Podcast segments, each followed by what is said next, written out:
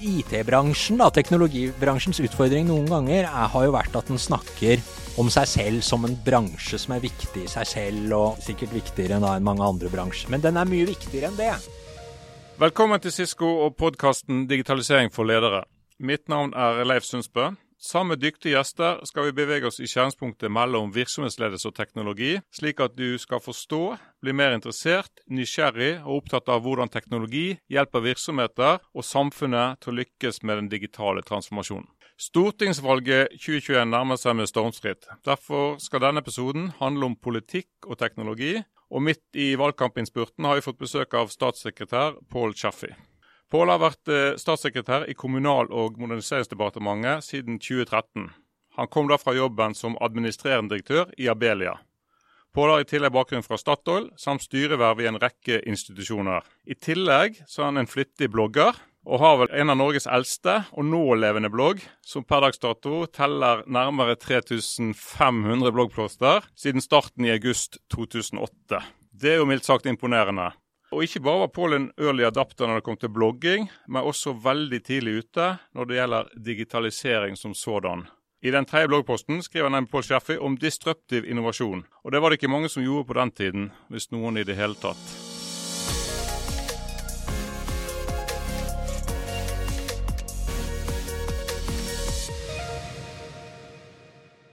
Velkommen eh, til deg, Pål. Regner med at det er hektiske dager nå i forbindelse med valget. Ja, og det her, altså Det merkes at det er valg. Folk følger med på meningsmålinger. Og det, det, blir kortere og kortere tid å gjøre en forskjell. Så, eh, men det er jo gøy, da. Det, og det, altså, et stortingsvalg er jo en kjempeviktig og fin sak for landet. Hvor eh, man bestemmer hvem som skal styre. Og før vi hopper liksom, rett inn i politikken og, og snakker rundt digitalisering, så tenkte jeg vi kunne snakke litt om din rolle som statssekretær i Kommunal- og moderniseringsdepartementet. Eh, du er jo eh, statssekretær for distrikts- og digitaliseringsminister Linda Hofstad Helleland. Og Her er det jo mange tidsriktige ord. Distrikt, modernisering og digitalisering. Kan du si litt mer om, om din rolle? Ja, jeg er så heldig da, å ha vært med siden 2013 uh, i uh, det departementet, da det ble omorganisert etter stortingsvalget da. Da var det Jan Tore Sanner som spurte meg om jeg ville være med i, uh, i et sammenslått departement som skulle ha ansvar for en del av de store reformene. måte Offentlig sektor, stat, kommune. Kommunereform var jo en del av dette. Men å se digitalisering som en del av det, eh, og ikke som et sånt tema litt på siden eh, i et eh, på en måte rent administrasjonsdepartement. Uh, og det kunne jeg jo ikke si nei til. Da hadde jeg ment en del også litt kritisk om, om hva Norge gjorde på dette området. Så uh, hvis du da blir spurt om å være med og styre landet sammen med, uh, som en del av et regjeringsapparat, så må man si ja til det. Uh, og så har porteføljene jeg har hatt uh, ansvar for, har, har, har variert litt uh, hvor mye og, og, og, og, hvor spist. Men digitalisering har liksom vært med hele veien. Jeg har hatt gleden av å arbeide for fire, sammen med fire statsråder, med Linda som den siste. og så tenker jeg at på åtte, åtte, år er ganske lenge i en sånn teknologisammenheng, også i det offentlige. Sånn at da vi kom inn, så, så, så handlet det en del om å rydde rydde litt i, i altså Offentlig sektor IT hadde et dårlig rykte, for å si det sånn. Det var prosjekter som hadde hatt overskridelser, ting endte i kontrollkomiteen i Stortinget.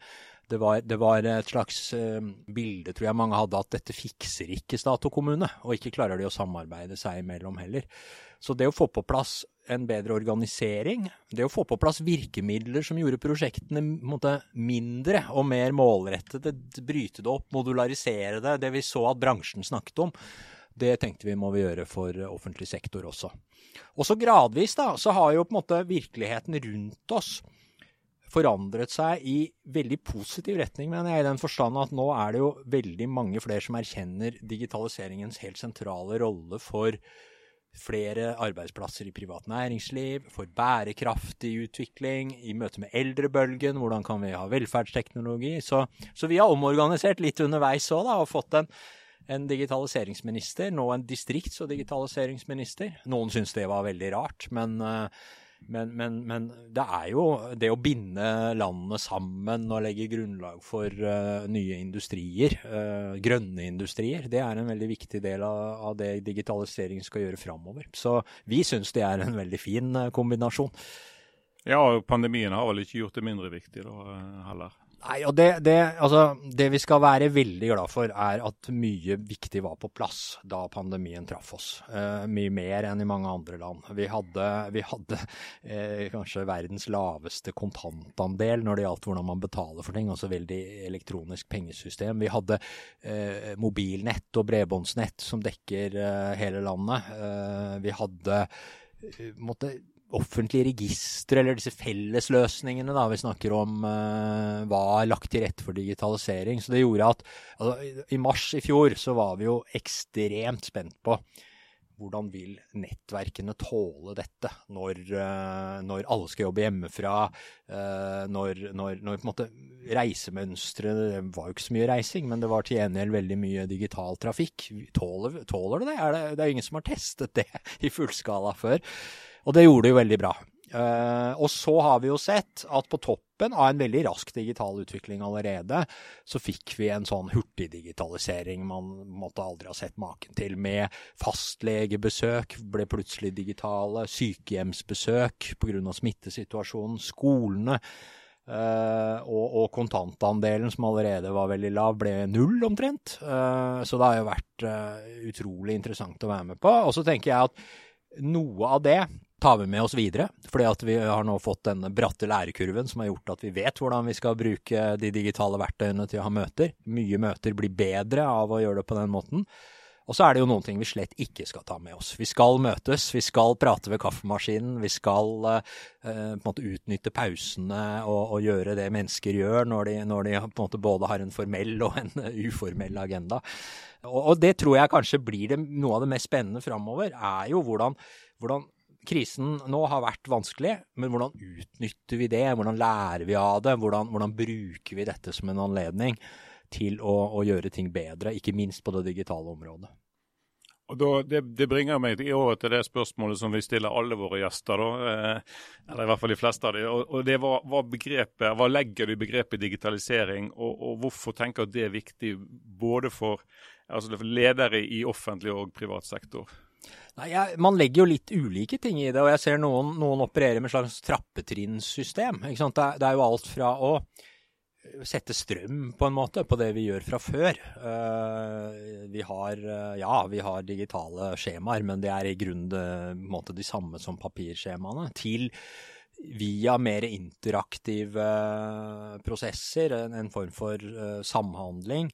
Og til virkelig sammenhengende tjenester, som, hvor du som innbygger ikke trenger å forholde deg til om det er stat eller kommune eller hvilken sektor noe tilhører. Eh, hvor, hvor, du ikke blir spurt om det samme om igjen og om igjen. Altså det, det, tenker jeg sånn, Digitalisering er jo selvfølgelig teknologi, for det er noen teknologi som skal til for å få det til. Men når vi skal måles på om vi lykkes, så handler det om livskvaliteten til innbyggerne. Det handler om, om, om, hvor lett det er å være næringsliv. Det handler om at vi ikke plager folk med ting vi egentlig vet fra før. Uh, der mener jeg jo skattemeldingen i Norge er et fantastisk forbilde vi har hatt uh, ganske lenge. Skatt er jo sånn sett lettere enn mye annet fordi det er data og bare data egentlig det handler om. Men, men klarer vi også å få til det der den digitale verden møter den fysiske verden innenfor transport, innenfor uh, byggenæring, innenfor havbruk. Og det tror jeg vi gjør, fordi at Norge er et av de landene som, som er best posisjonert for å utnytte disse mulighetene. Så ja, digitalisering er Altså, jeg ble jo av og til spurt, men ja, men når blir dere ferdig med den digitaliseringen av offentlig sektor, da? Og svaret på det er det blir vi aldri. For det vil alltid være noen som uh, kommer opp med noe som er enda smartere, enda bedre, enda lettere å bruke. Løser enda større problemer. Og det er utfordringen i dette, uansett hvor du er det er jo å ha den kompetansen som trengs for å klare å, å, ikke bare følge med på dette som bruker, men, men uh, vi skal jo også skjønne hvilke muligheter som kommer. Uh, hvilke veivalg vi må gjøre, hvordan vi skal ta dette i bruk, hvordan vi skal bygge organisasjonene våre for å evne dette, da. Kanskje bedre enn konkurrentene hvis man er i næringslivet, hvis man er i offentlig sektor. Sånn at vi slipper liksom å forholde oss til sånne siloorganisasjoner som eh, det lett blir hvis du ikke har forstått hva teknologien kan brukes til. Kjempespennende, men, men krevende. Kompetanse skal vi komme tilbake til, til senere, eh, Pål. Men, men du, jo, du, har jobbet mye i grensesnittet mellom, eh, mellom privat og offentlig sektor. Og, og, hvordan vil du beskrive forskjellen med, med altså, digitalisering i privat sektor kontra offentlig sektor? Og du har jo, som, som du nevnte, også vært kritisk før du, før du gikk inn i offentlig sektor igjen. Ja, jeg har heldigvis uh, vært uh, litt med på disse tingene, både i, i private organisasjoner og, og offentlige. Uh, og så tror jeg noen områder det hender altså at privat sektor kanskje ser litt ned på det offentlige, fordi de tenker at ja, men dere trenger jo ikke å tjene egne penger. dere Eh, det er jo bare å øke skattene, så, så, kommer det. Nå skal det sies at det er ikke bare å øke skattene, for det blir, eh, det blir eh, og, og, denne regjeringen har jo heller ikke hatt som mål å gjøre det, tvert imot. Jeg tror privat sektor noen ganger undervurderer offentlig sektors Eh, hva skal vi si, eh, rolle da, i, i, i skytsen. Eh, altså hvor mye medieoppmerksomhet det er, hvor, hvor, hvor, hvor, krevende det kan være å være framoverlent og innovativ. Fordi at det å gjøre nye ting innebærer en viss risiko. Og, og, skal du velge den trygge veien, så venter du til noen andre har gjort det, gjort det tidligere. Men, men, men, men kompetansenivået i offentlig sektor i Norge er høyt. Eh, men det offentlige kan jo noen ganger undervurdere privat sektors eh, måte, virkelighet, hvor du er nødt til å uh, konkurrere, tjene penger. altså det er en annen, det er en annen Den driveren mangler på samme måte. Og så tenker jeg at i et, et samfunn for, som, som, vårt, hvor, hvor, offentlige tjenester tar såpass stor plass, så er noe av utfordringen for det offentlige å finne samarbeidsmodeller med det private som utnytter privat sektors styrker. Eh, det er jo ikke å ta beslutninger på vegne av det offentlige, men det er å utnytte innovasjonskraften i, i teknologiutviklingen, i tjenesteutviklingen. Eh, men sørge for arenaer hvor man snakker godt sammen, og hvor privat sektor forstår offentlig sektors utfordringer. Altså forstår helsesektoren. Forstår, ikke bare liksom kommer inn med en teknologi og sier her har vi en løsning som fikser alt. Sånn er det ikke. Eh, og så må det offentlige forstå denne privatsektorvirkeligheten. Ikke gjøre det for byråkratisk, ikke gjøre det for vanskelig. Uh, være god til å måte beskrive. Legge opp anskaffelsesprosesser, sånn at de er tilpasset det problemet man skal løse. Noen ganger innovative, noen ganger enkle.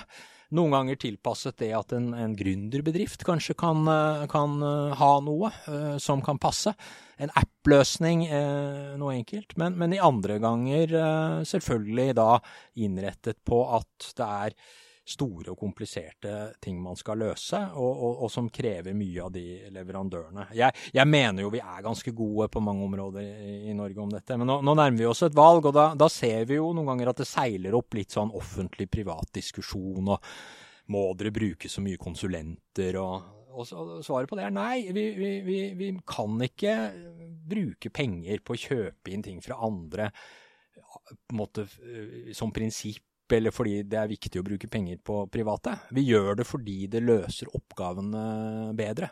Vi gjør det der hvor det tilfører verdi, i form av innovasjonskraft, i form av kompetanse, i form av bedre måter å løse ting på.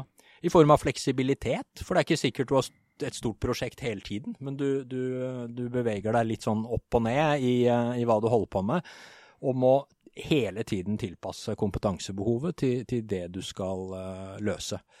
Uh, og, og, det er for så vidt sunt at vi har uh, gode politiske debatter om, om, den balansen. Men jeg er nok av de som vil insistere på at uh, det nettopp i en sånn fornuftig hva skal vi si, måte å, å, beskrive og forstå rollene sine, ligger det masse muligheter for Norge i skjæringspunktet mellom offentlig og privat sektor. Ja, og det har jo blitt uh, tatt veldig mange, eller flere gode initiativ til samarbeid altså offentlig-privat sektor den senere tid. Og, og, og, Er det da realistisk å tro at vi skal få til det samarbeidet som du sier der, og, og som Nikolai Astrup sier, gjøre gull av gråstein uh, som et eksempel?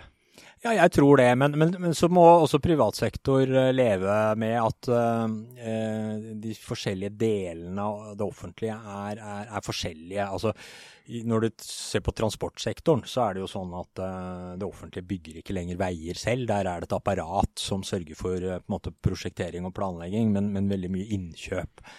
I helsesektoren så er det omtrent motsatt. Det er offentlig drevne virksomheter. Men også de trenger jo omstilling, innovasjon, ta i bruk ny teknologi og tjenester. Og, og, og den hardwaren de bruker, den lager de jo ikke selv. Den, den skal, skal, på en måte kjøpes et sted og settes inn i disse kompliserte systemene.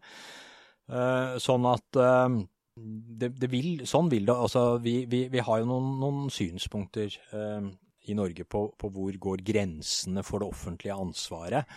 Eh, noen ganger så skal vi kanskje dra det litt innover, noen ganger så er det en forventning om vi skal dytte det utover.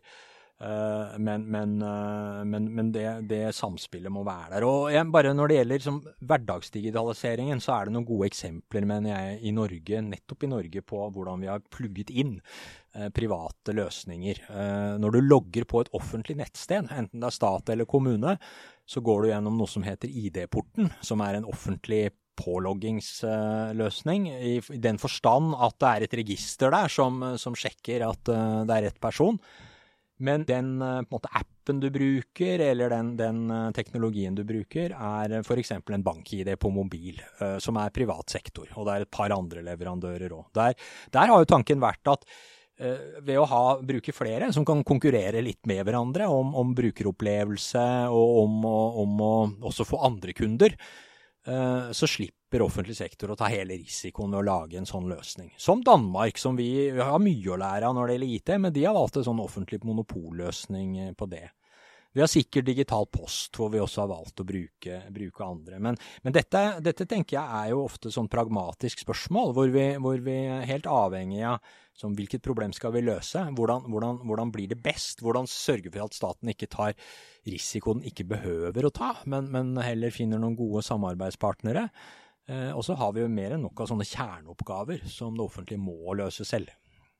Ja, og det, det du sier der er jo egentlig at vi må ha mer fokus på hva er det vi ønsker å oppnå, istedenfor prosessen og det som, som ligger bak oss. Det, det, men det oppfatter ikke at det kanskje gjenspeiles i, i offentlige anskaffelser f.eks. At det er fortsatt veldig mye fokus på pris, og, og, og ikke så mye fokus på resultatet i andre enden, om vi kan bruke den eh, analogien. Nei, og det er, det er viktig diskusjon. Fordi, men, men, jeg tenker jo at det er jo stadig medieoppslag om at prisen ble liksom for høy på en del større prosjekter. Så vi kan ikke la være å være opptatt av pris. Hvordan får vi mest mulig igjen for skattebetalernes penger?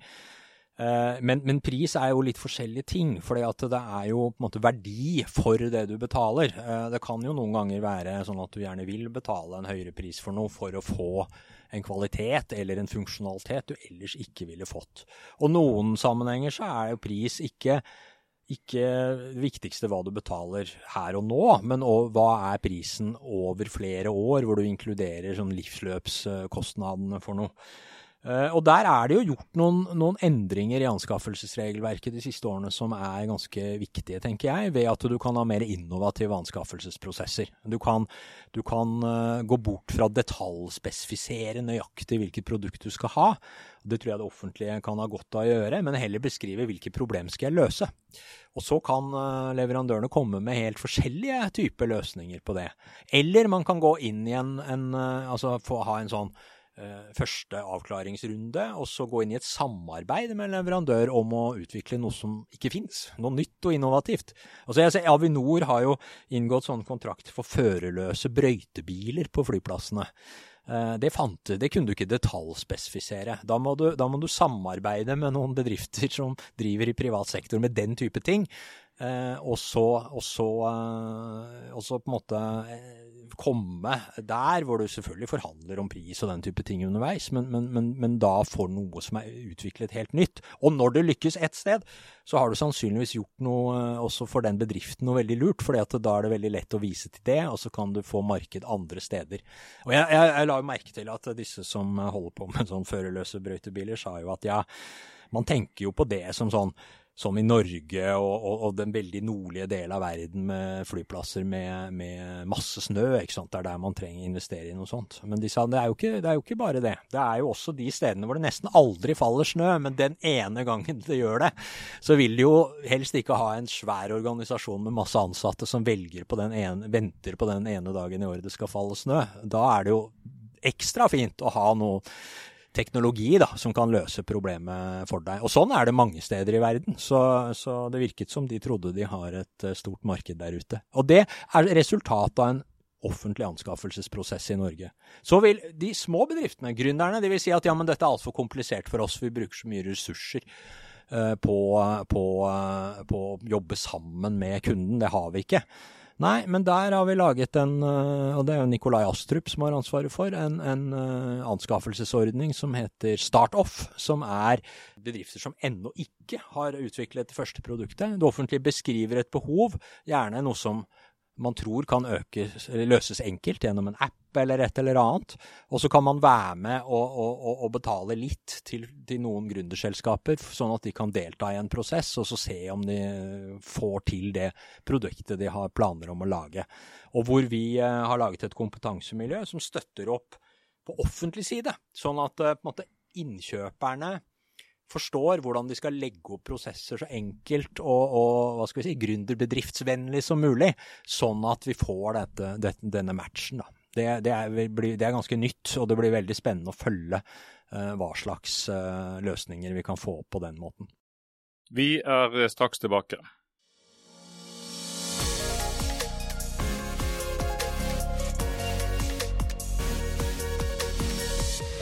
I en rapport fra Samfunnsøkonomisk analyse så sier jo, eh, det er jo på oppdrag fra, fra IKT-næringen, at gjennom egenproduksjon og leveranse til andre næringer, så, så har uh, IKT-næringen bidratt til 80% av den samlede produktivitetsøkningen i Norge i perioden 2003 til 2017.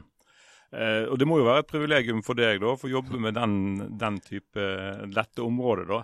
Eh, når vi vet hvor viktig denne næringen er i, i den generelle økonomien, eh, og du nevnte det med, med, kompetanse, du nevnte det med eldrebølgen i, i sted, i uh, helsesektoren. Altså, Føler du at dette får for lite oppmerksomhet sånn generelt i samfunnsdebatten, og, og for så vidt også i, i valgkampen. Og Det er ikke så mye diskusjon rundt dette i valgkampen, føler jeg. Nei, altså det, jeg syns jo det.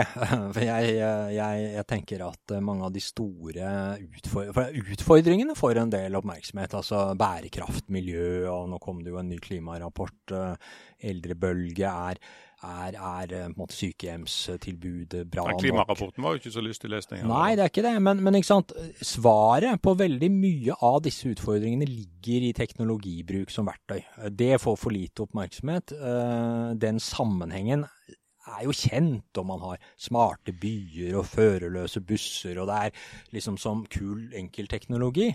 Eh, men, men, men, i forhold til å bygge et, et, et beslutningssystem som, som, som, evner å ta i bruk de mulighetene, prøve og feile, lage samarbeid med privat sektor, eh, så er det jo sånn at vi får til en hel masse. Men det får ikke nødvendig, som du sier, det får ikke så stor oppmerksomhet i den politiske debatten. Eh, kanskje litt under radaren har det jo likevel skjedd en del. altså Vi var innledningsvis inne på departementsorganisering og ansvarsplassering. Statsministeren selv leder eh, noe som heter Regjeringens digitaliseringsutvalg. Eh, vi har omorganisert virkemiddelapparat, sånn at nå har vi et digitaliseringsdirektorat. Vi har styrket en del roller som samordner digitalisering på tvers. Fordi at hvis du er en innbygger, så er du ikke nødvendigvis opptatt av hvor i organisasjonskartet i offentlig sektor måte, ditt problem er. Også fordi at hvis du har store utfordringer, så har du gjerne problemer flere steder i organisasjonskartet samtidig. Da er det vår jobb og, og, på en måte lage sammenhengende tjenester uh, og, og, og, tilby ting som, eh, som, uh, som, som gir mening for uh, den som er i en vanskelig livssituasjon. Og det gjør vi jo bare ved å både, som du sier, ha tilstrekkelig eller ha, ha, ha, mye kompetanse, mye mer enn før, på hvordan teknologi kan hjelpe oss å løse dette. Og på en måte noen, noen, noen insentiver, noen muskler, noen, noen, noen, finansieringsløsninger som gjør at de hva skal vi si, samfunnsøkonomisk lønnsomme investeringene i digitalisering eh, kommer opp og fram. Uh, og jeg mener vi, vi, er på rett spor, uh, men jeg mener det er veldig viktig å holde trykket oppe på dette. Og høyst sannsynlig skal vi gjøre enda mer på enda kortere tid enn før i, i, i tiden som kommer. Og som sagt fordi utfordringene rundt oss krever det. IT-bransjen, teknologibransjens utfordring noen ganger er, har jo vært at den snakker om seg selv som en bransje som er viktig i seg selv, og, og, og, og sikkert viktigere enn, mange andre bransjer, mener man. Uh, ja, det, det, er, det, er, sikkert sant. Men den er mye viktigere enn det. For den, den, er jo den, den, I tillegg til å være en viktig bransje i seg selv som sysselsetter mange, så er det den store utfordringen er å, å evne å beskrive hvilke problemer er det vi kan være med å løse for samfunnet? Hvordan kommer vi inn i svarene? Hvordan, eh, hvordan, vil vår teknologi gjøre at klimagassutslippene går ned og ikke opp? Eh, hvordan er det sånn at uh, hydrogenfabrikker, datasentre, uh, denne bredbåndsinfrastrukturen bidrar til at vi bruker ressurser på en smartere måte enn før? Og, og, der trenger jo politikerne hjelp. uh, det, det, er jo, ofte teknologibedriftene som kan mest om hvilke muligheter som ligger der. Uh, men det kan man jo ikke løse ved å liksom ha en arrogant inngang og si at vi vet så mye og nå må dere høre på oss. Det må man gjøre ved å, ved å ha et, et måte, likeverdig partnerskap, hvor man også har respekt for at offentlig sektor må ha måte, ha sine oppgaver å løse. Har, ha, ha, sine krav uh, til, fra både i lovverket og, og, og, fra velgerne. Men som sagt, Norge er godt posisjonert. Jeg mener vi har gode samtaler om dette. Vi har altså, Det der med et samfunn med høy tillit og flate strukturer og sånn, uh, det er jo perfekt tilpasset uh, nettopp disse, denne måten å jobbe på, da, som, som må til for å løse de store utfordringene. Ja, Jeg er helt enig i at vi har, vi har gode samtaler med, med offentlig-privat, eh, definitivt. Altså, for å finne gode løsninger sammen. Så, så, men jeg har lyst til å komme litt tilbake til det med kompetanse. for Det, har vært en gjenganger også i, i de tidligere episodene vi har hatt. Vi, vi, har, vi har hatt Abelia her, vi har hatt IKT Norge her osv. Uh, og det er jo som du sier, det, vi har jo behov for Ting går raskere og raskere, og vi har behov for hele tiden å, å utvikle oss enda mye raskere enn en tidligere. da. Uh, og så ser vi at ressursbehovet, kompetansen, ikke er der.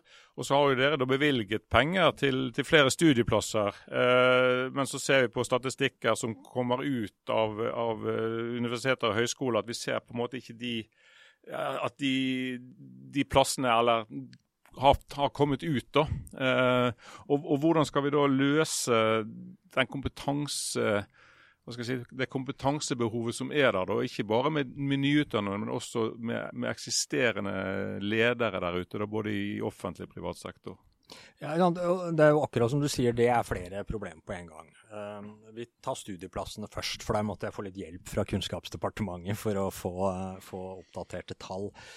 Eh, I 2020 i Norge så var det 16 600 studenter som studerte IKT-relaterte utdanninger. Det er for lavt, tenker jeg, i uh, sammenlignet med det vi ser også i en del andre land. Og det, det, har jo også med at vi må motivere flere tidligere i Norge til å fordype seg i realfagene på videregående.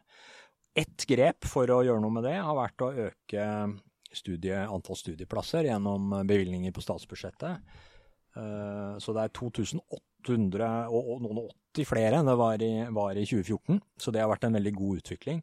Så skjønner jeg det sånn at noen har sett på statistikken eh, og sett på hvor mange uteksaminerte er det blitt ut av de tallene. Eh, og, og, funnet ut at det er 1296, og det er jo verre enn det er bevilget penger til.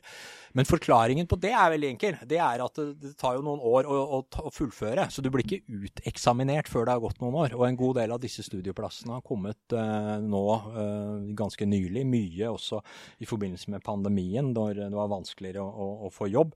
Sånn at hvis alt går som det skal gjøre, og frafallet ikke er for stort, så vil de to tallene uh, være mer like, da. Eller kanskje det det blir enda flere nye studieplasser. Og så er det også, akkurat som du sier, at det holder ikke eh, bare med nyutdannede. Eh, det er ikke lenger sånn at vi har et arbeidsmarked der det du lærte på skolen, er det du trenger. Eh, veldig mange andre trenger teknologikompetanse. Og det er også kanskje to spørsmål. Det ene er hvordan putter vi teknologi inn i de andre utdanningene? Jurister, sykepleiere, lærere. Altså læreplaner i dag må inneholde teknologi. Det har regjeringen jobbet med. Og så må vi ha kompetansepåfyll underveis. Sånn at det å lage et, et mer fleksibelt system, der det er lett f.eks. For, for bedrifter å, å, å, å, på en måte tilby Altså Store bedrifter har ofte store programmer i egen regi, men de fleste bedrifter i Norge, små og mellomstore bedrifter, de trenger noen å samarbeide med. Eh, og der har systemet, universitets- og høyskolesystemet vært for firkantet. Det har vært for vanskelig. Og, og altså vi har vært veldig opptatt av at folk skal fullføre grader. Det, er, det er, har vært viktig. Men for en bedrift er ikke nødvendigvis det så viktig. Du trenger en modul med akkurat den kunnskapen her og nå. Og der jobbes det jo nå med å, å tilgjengeliggjøre digitalt materiell, forelesninger osv. Altså la, lage rett og slett et mer fleksibelt og, og desentralisert system også. Det er vi opptatt av i Distrikts- og digitaliseringsdepartementet. At du som ansatt et sted hvor det ikke er høyskole eller universitet, likevel skal kunne få tilgang digitalt, og kanskje med noen samlinger, til, eh, til disse tingene. Og så, Jeg må nevne én ting til og det er at det er jo ikke bare sånn at vi gjennom bevilgninger eh, i et statsbudsjett fra Stortinget skal løse alle problemer. Vi har utstyrt universitetene og høyskolene i Norge med en ganske stor eh, grad av eh, måte, egenbestemmelse eh, når det gjelder å bygge opp og ta ned. Så vi bør også se i tallene framover at de selv, gjennom å, å si at vel, verden går i den retningen, arbeidsmarkedet går sånn, også øh, hva skal vi si, resetter utdanningene sine, tar noe ned som det ikke er like mye etterspørsel etter, og, opp, bygger opp selvfølgelig disse teknologiutdanningene. Både de veldig spesialiserte, men også, som jeg sa, teknologidel av, øh, av andre typer øh, utdanninger. I erkjennelse av at Helsesektoren er digital. Transportsektoren er digital. Alt vi driver med har eh, teknologi i seg på en eller annen måte. Og det må også utdanningene eh, måte eh, ta høyde for. Ja, for, for Som leder i Abele i 2010 så sa du at den norske skolen var altfor dårlig. Eh, og at det var ikke god nok til å Altså, lærere må kunne bruke teknologi som et supplement i forbindelse både med altså e-læring, forelesninger og videokonferanser. Hva, hva, hva, er status på det i dag? Nei, jeg, jeg, tror vi har gjort mye på det området, men, men, men, jeg, men jeg, tror vi aldri blir ferdig med det heller. Eh, altså, Noe av det som har kommet da, de siste årene, er jo sånn type bransjeprogrammer i samarbeid mellom næringsliv og skole. Uh, I erkjennelsen av at hvis skolen opererer for langt unna næringslivet, og særlig på en måte den yrkesrettede delen av utdanningen, så skjønner man ikke så godt hva de bruker av verktøy og hvordan de gjør det. Den beste måten å få det til, er jo å på en måte bransjeinnrette uh, utdanningene på en, på en bedre måte.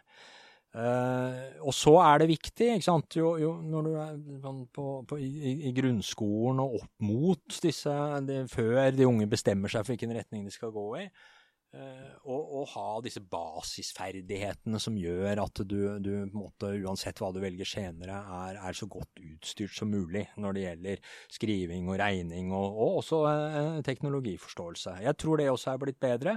Vi har brukt veldig mye ressurser på etter- og videreutdanne lærere i Norge de siste årene, og, og teknologiendringer har jo vært en viktig del av begrunnelsen for det.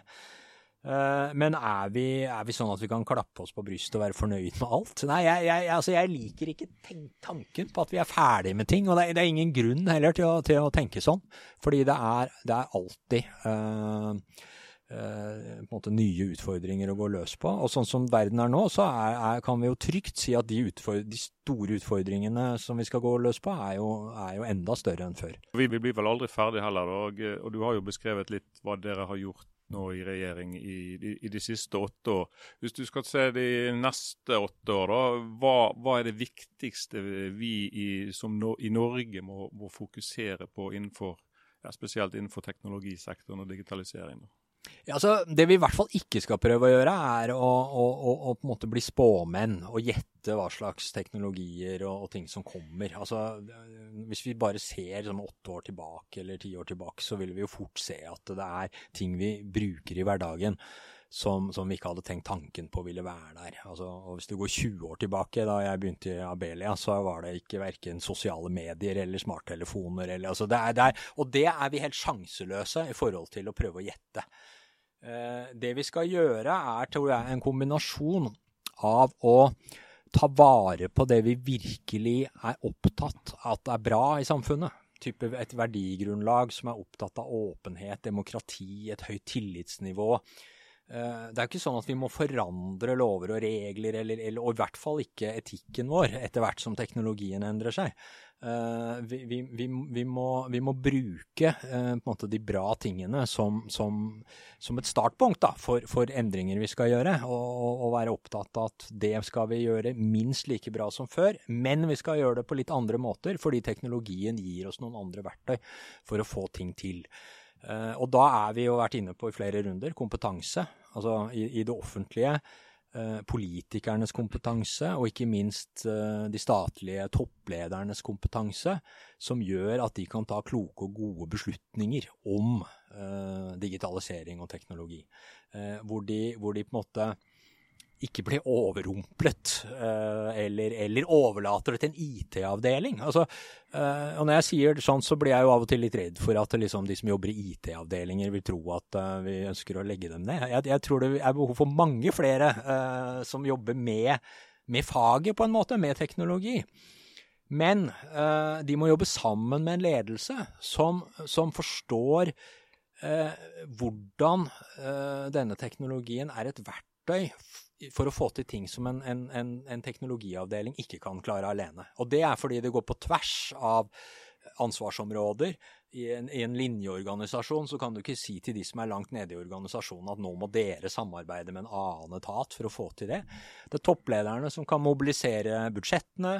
Det er de som kan forklare til departementene hvorfor dette er viktig og bør, bør prioriteres. Og da, da må, man, må, man, forstå det. Og man må forstå det i, i kombinasjon da, med, med, det man egentlig er satt til å gjøre. Enten det er helse eller kultur eller, eller, eller samferdsel. For du kan, ikke, du kan, ikke, bare være teknolog og være, være toppleder heller. Det blir feil. Så, så dette, er, dette, dette er, er, er krevende. men Eh, noe av det vi gjorde i 2013, da vi, eh, da vi fikk ansvaret for, eh, for, digitaliseringspolitikken, det var jo å lage et opplegg hvor vi sendte statlige toppledere på kurs for å lære digitalisering. Og det var ikke helt sånn lær kidsa koding eller elektronikkbyggesett, selv om det også kunne være nyttig, tror jeg, for ganske mange. Men det er på mer strategisk nivå. Hva gjør det med organisasjonen vår? Hente inn folk som har vært i vanskelige, store statlige eh, eller andre IT-prosjekter. Eh, noen lykkes og kan forklare det, men enda viktigere, hente inn noen av de som har vært i stormen fordi de ikke har eh, blitt sånn som man trodde. Det å lære av Og det er vi ofte litt dårlige til i store organisasjoner. Det, det å utveksle erfaringer, lære av hverandre. Så, så, litt av vår jobb er jo da å, å, på en måte lage bedre systemer for at det skal skje. Og noen ganger også stille krav om at man skal uh, være med på noen sånne runder da, med kompetanseheving. Og da, Vi var veldig opptatt av altså at ikke bare lederne av de store etatene, men også departementene. Fordi at det, Ofte kan eh, et sånt system som vårt, da, hvor du har politikere på toppen, og så har de et departement rundt seg, og så er det store etater som gjør selve jobben, så kan departementene bli sånn filter som, eh, som, eh, som liksom passer, De skal passe på at politikerne ikke, ikke gjør dumme ting, selvfølgelig. Det er veldig fint. Passe på at politikerne ikke tar for stor risiko. Eh, men hvis alt blir sånn passe på og forsiktig, så ville man jo aldri være innovativ og, og, og på en måte virkelig prøve å gjøre nye, nye ting. Og, og, offentlig sektor i Norge på sitt beste, tenker jeg, Sånn som skatteetaten, da, som har liksom, heldigitalisert sånn selvangivelsesprosess. Det, det, er jo ikke fordi eh, de visste liksom alle, hvordan alle sider av dette ville bli. Men, men noen, eh, også toppledere, så at dette ville være fornuftig å gjøre. Uh, og, og, og, trodde at de ville, ville, kunne få det til. Og andre prosjekter krever litt andre typer samarbeid. Altså noe av det, Jeg er jo et departement som også har ansvar for boligpolitikk uh, i Norge, som et sånn sektoransvar. Det er fantastiske ting som har skjedd på sånn heldigitalisering av bolighandel. Uh, nå kan du søke boliglån uten å ta med deg lønnsslipper og selvangivelse, fordi du gir digital tillatelse til at banken din kan slå opp i Altinn. Uh, og systemet er der for å gjøre det. Du kan, du, planprosesser er stadig mer digitalisert. Du kan se hvordan ting blir uh, ved bruk av digital teknologi, og ikke bare sånn papirtegninger og ting. Altså, uh, vi, kan, ja, vi kan få til veldig mye av dette, men, men, men, det krever kompetanse. Det krever at folk samarbeider, og det krever ledere på toppen som, som går i front, egentlig, for å få det til. Ja, altså jeg tror de fleste er vel fornøyd med hvordan vi leverer selvangivelsen i dag kontra vi gjorde for ti år siden. Altså. Men uh, burde dere være flinke til å skryte mer av dere sjøl og få frem de gode uh, løsningene også, istedenfor bare å fokusere på problemene? da? Ja, men vi, vi, Altså, ja, vi burde det. Men, men, det ligger jo ikke helt for oss i Norge alltid heller. Og, og, i hvert fall ikke før ting er ferdig. Og når det er ferdig, så er det jo sånn at ja, men er dette noe nyhet, da? Eh, men, men, men, eh, vi skal ikke klage over det heller. Altså jeg, jeg, opplever jeg har vært så privilegert å jobbe da, i politisk ledelse i et departement som har lagt fram stortingsmeldinger og strategier som har beskrevet liksom, hovedlinjene i digitaliseringspolitikken. I forrige periode laget vi Digital agenda for Norge. Eh, og, så, og, så, kommer du rundt, og så merker du jo at folk eh, faktisk siterer fra det og viser til målsettingene. Og, altså, vi, har, vi, vi, vi bor i et land hvor hvor, hvor, signaler, som vi ofte kaller det, fra toppen betyr noe. Eh, det betyr noe at man peker ut en, en retning, og så gjør folk eh, det det var meningen at de skulle gjøre. Men, men, de som er eksperter på det, må jo finne ut den konkrete veien for å få det til. Uh, vi skal være veldig glad, tror jeg, i Norge for at vi har folk som er, er veldig selvgående og, og, er i flate organisasjoner hvor det er lov å ta ansvar, og ikke bare vente på at noen høyere opp skal liksom, si nøyaktig hva du skal gjøre. Eh, og noen ganger så, så, så, blir det litt annerledes enn man har tenkt, og så må man justere kursen. Utfordringen vår er jo å lage virkemidler som gjør at den kursjusteringen blir så enkel som mulig, eh, og så billig som mulig. Sånn at eh, man ikke, ikke liksom setter alt på spill. Da. Og, og, og, digitaliseringen er jo veldig godt egnet til det. Altså, hele, hele, hele liksom, digitale produkter er jo i dag nettopp ting du oppgraderer uh, underveis. Du legger til ny funksjonalitet. Du, du setter sammen ting på nye måter. Uh, det strider litt mot den prosjektmetodikken noen kanskje lærte liksom, tilbake i tiden på helt andre typer prosjekter.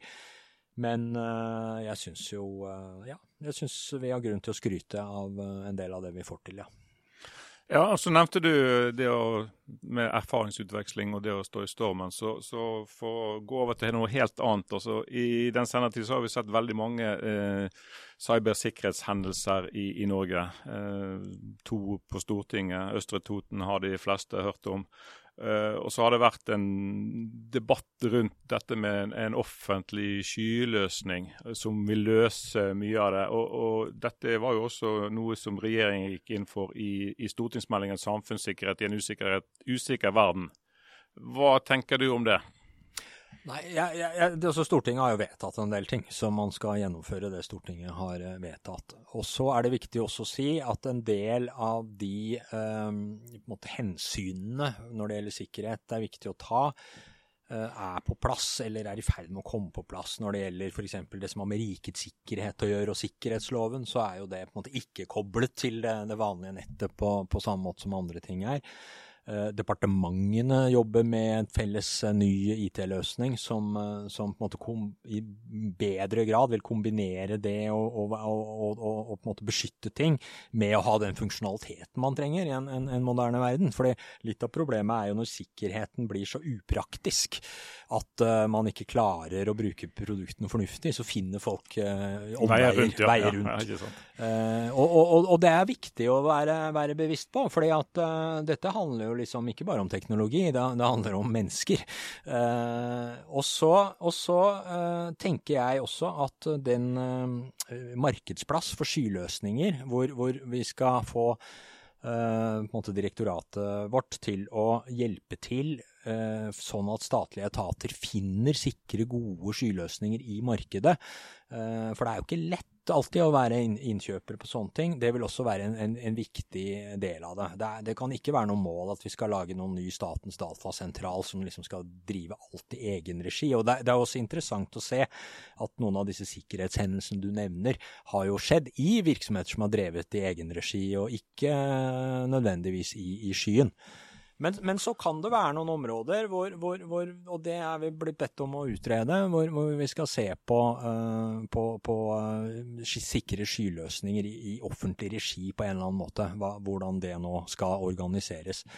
Eh, det vil jo uansett være, være, servere og utstyr som er produsert av det private, og vi må, vi må ha et godt samarbeid, samarbeid, med markedet rundt oss, uansett hva slags løsning det blir. Det, det som er helt, helt, sikkert midt oppi dette, og som kanskje er noe av det viktigste, det er at vi har fått noen kraftige påminnelser om at ikke alle der ute vil oss vel.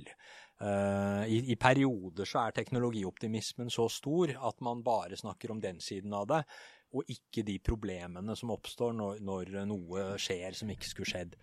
Eh, vi la fram for Stortinget en, en, stortingsmelding om ekom, nettopp, altså mobil og bredbånd. Der har også sikkerhet fått en veldig mye mer sentral plass. Eh, hvorfor det? Jo, først og fremst fordi nesten alt i samfunnet, og, og av viktige ting i samfunnet, uh, går i, i nettverkene.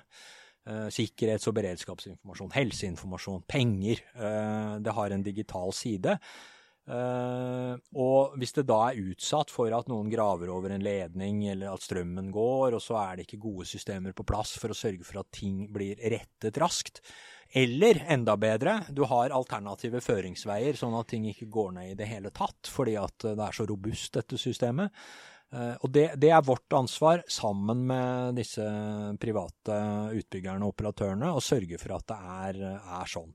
Det betyr jo også bl.a. at, at liksom kraftbransjen og ekombransjen i, i, en helt annen grad enn før må, må, finne ut av det med hverandre. De må vite om hverandres viktige punkter og sårbarheter. Uh, og, og, når bransjer skal samarbeide om sånne ting, så, så, kan det jo av og til komme fram at det er litt kulturforskjeller, og man, man, man bruker litt tid på å finne ut av det med hverandre. Men, men der òg har det skjedd uh, en veldig bra, bra utvikling. Uh, og, og, og, vi har, det må også sies, vi har jo et av verdens beste og sikreste mobilnett og, og bredbåndsnett i Norge. Eh, vi dekker eh, stort sett hele landet og har en plan om at du skal ha 100 dekning av høyhastighetsbredbånd innen utgangen av 2025. Eh, og, og det er et nett som er, er, holder høy kvalitet og er sikkert. Og det viser i hvert fall sånne internasjonale rangeringer av, av hvor vi er. Og jeg tenker det er, det er, viktig for sikkerheten. Det er også viktig for uh, det næringslivet vi skal bygge i årene framover. Det skal være et næringsliv som lever av å, å, å dele og, og, og, samarbeide om data. Selvfølgelig er noe av det fysisk også. Vi skal produsere energi og fisk og, og metaller og mye.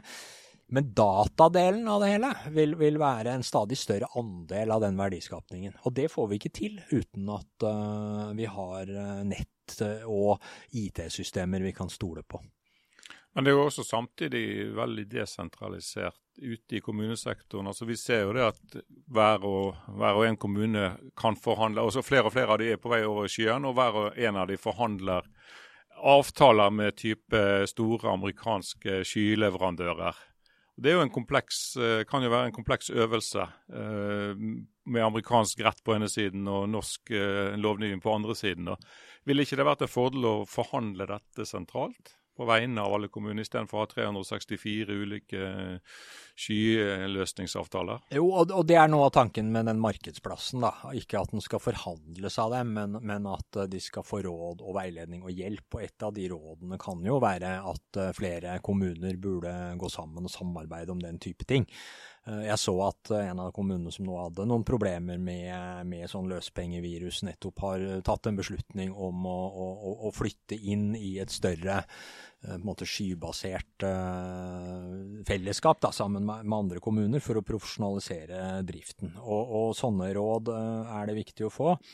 Men spørsmålet ditt inneholder jo egentlig flere problemstillinger oppå hverandre samtidig. For det er også en diskusjon selvfølgelig om store internasjonale plattformselskaper. Eh, hvor stor makt skal de ha? Eh, hvordan skal man forholde seg til dem? Uh, og noen av disse spørsmålene er så måte, store for små aktører, til og med land som Norge, å håndtere, at vi trenger regler eh, sammen med andre land for å sørge for at det blir fulgt. Og da kommer man jo fort inn i en sånn EU-diskusjon, men jeg mener det er helt sentralt der. Kjernen i veldig mye av det bra som skjer i EU nå, er Eh, GDPR, personvernforordningen. Det at vi har felles europeiske regler som alle må følge, som driver i Europa, enten de er europeiske eller kinesiske eller amerikanske, eh, gir oss et veldig godt utgangspunkt for å også lage noen spilleregler om, eh, om ja, hvordan, hvor, hvor, altså, hvor, dominerende kan et plattformselskap være? Hvor, hvordan kan det bevege seg i, i verdikjeder? Eh, er det sånn, og dette diskuterer vi jo bl.a. med norsk mediebransje, er det sånn at de kan være portvoktere og bestemme hva slags innhold det skal være, være i apper og på nettet? Dette jobber EU med. Eh, Norge ville ikke hatt eh, samme muligheten til å få et godt regelverk på sånne områder alene, for da kunne man liksom sagt at Norge tar vi ikke hensyn til sammen med Europa, som kanskje forhåpentligvis er med å sette standarden i verden for noen av disse områdene ved et godt og, og, og framtidsrettet regelverk, så, så, så, er Norge på en måte der vi hører hjemme, tenker jeg. Og ikke bare skal vi følge regelverket, jeg tror vi kan være med å lage, påvirke, bl.a. fordi vi selv er så langt fremme i, i vår egen digitalisering at vi blir lyttet til. Vi nærmer oss eh, slutten, Pål. Eh, så litt avslutningsvis så er vi tilbake til din bloggpost fra august 2008 om disruptiv innovasjon. Eh, for her siterer du den nylig avdøde forfatteren og professoren Clayton Christensen, som kom opp med selve begrepet og disruptiv teknologi som, som sådan. Uh, og da, da, da, du var i gang med å lese boken hans, som handlet om hvordan skolen skulle bli gjenstand for disrupsjon Og så langt så er det vel ikke teknologien som har disrupta skolen, men det er vel mer uh, pandemien, egentlig. da. Men det, men det, er jo på en måte et, et, helt annet tema. Men leser du bøker nå, dersom du vil anbefale dagens leder og morgendagens leder å lese en bok for å forstå mer rundt eh, teknologi og digitalisering, hva, hva, vil du anbefale da? Altså, jeg mener jo at man godt kan ta fram Clayton Christensens uh, gamle bøker, og kanskje særlig de første om hvordan innovasjon skjer. Hvordan innovasjon noen ganger uh, ikke er til fordel for de store og mektige bedriftene som, tror, som dominerer hele bransjer, men, men, det kommer en eller annen teknologisk mulighet til å lage kanskje et lavprisprodukt, et enkelt produkt, som de store sier at det der kan ikke vi drive med, for det er altfor billig og, og, enkelt for oss. Altså, fantastiske bøker. Men, men, nå i det siste har jeg vært litt opptatt, jeg er litt opptatt av, av, av, hva som egentlig skjedde bak dørene hos Trump. Eh, det er en som heter Michael Wolff, som kom inn, har skrevet tre bøker om Trump-perioden, og, og, kom inn som journalist, og var der et år uten at noen kastet han ut, for alle trodde det var noen andre som hadde ansvaret for at han, han var der. Og nå, den tredje boken handler om da de siste dagene etter at han, da han tapte valget, og, og, hva som skjedde etterpå. Og så er det en som heter Michael Lewis, som har skrevet mye gode bøker i mange år, men som liksom, det siste har han vært særlig opptatt av i to bøker av, av statsforvaltning. Amerikansk føderal stats... Altså fagmyndigheter og, og deres uh, ja, interne kamper, sterke og svake sider. Den siste boken handler jo da selvfølgelig om uh, pandemi i USA. Om, uh, om uh, Er det Plumonition den heter? Den, den, handler i hvert fall om en type sånn smittevernoverlege i et fylke i California som, som, alle forventer jo ikke gjør noen ting, for det er offentlig byråkrati og man gjør ikke noe før man må, men som er en helt annen type menneske, og som ser hva som er under oppseiling også den krasjen da, med noen av de føderale myndighetene i, i USA, og delstatsmyndigheter. Og så er det interessant, fordi det, han er veldig god til å beskrive at i enhver organisasjon uh, er noen sånne innovatører, noen som vil noe. Uh, noen som ser at ting burde være annerledes. Det er ikke alltid de slipper til. Noen ganger er de mange nivåer nede i organisasjonen. Men noen ganger er det også sånn at noen et annet sted høyere opp ser disse her disruptive innovatørene. Eh, som også fins i, i, i, store offentlige organisasjoner. Og, og, liksom hvordan det Michael Lewis er jo sånn som beskriver fortellinger fra virkeligheten, eh, med, med navngitte personer fra virkeligheten. Og jeg syns det er fascinerende. Det er mye som er annerledes i, i USA enn hos oss, men, uh, men, vi er ganske like når det gjelder sånn lokalmyndighet, sentralmyndighet, uh, hvordan, hvordan en måte noen kan ja, tenke at det beste er å ligge lavt og ikke gjøre så mye, mens, mens andre dytter på og ser at nå er vi nødt til å gjøre noe, for nå er det en krise under oppseiling som vil bli ganske mye mer dramatisk hvis vi ikke handler tidlig, da. Og, eh, og, så Michael Lewis, han vil jeg anbefale. Tusen takk eh, til Pål, og tusen takk for at du lyttet til oss. Denne episoden ble spilt inn 3.9. Eh,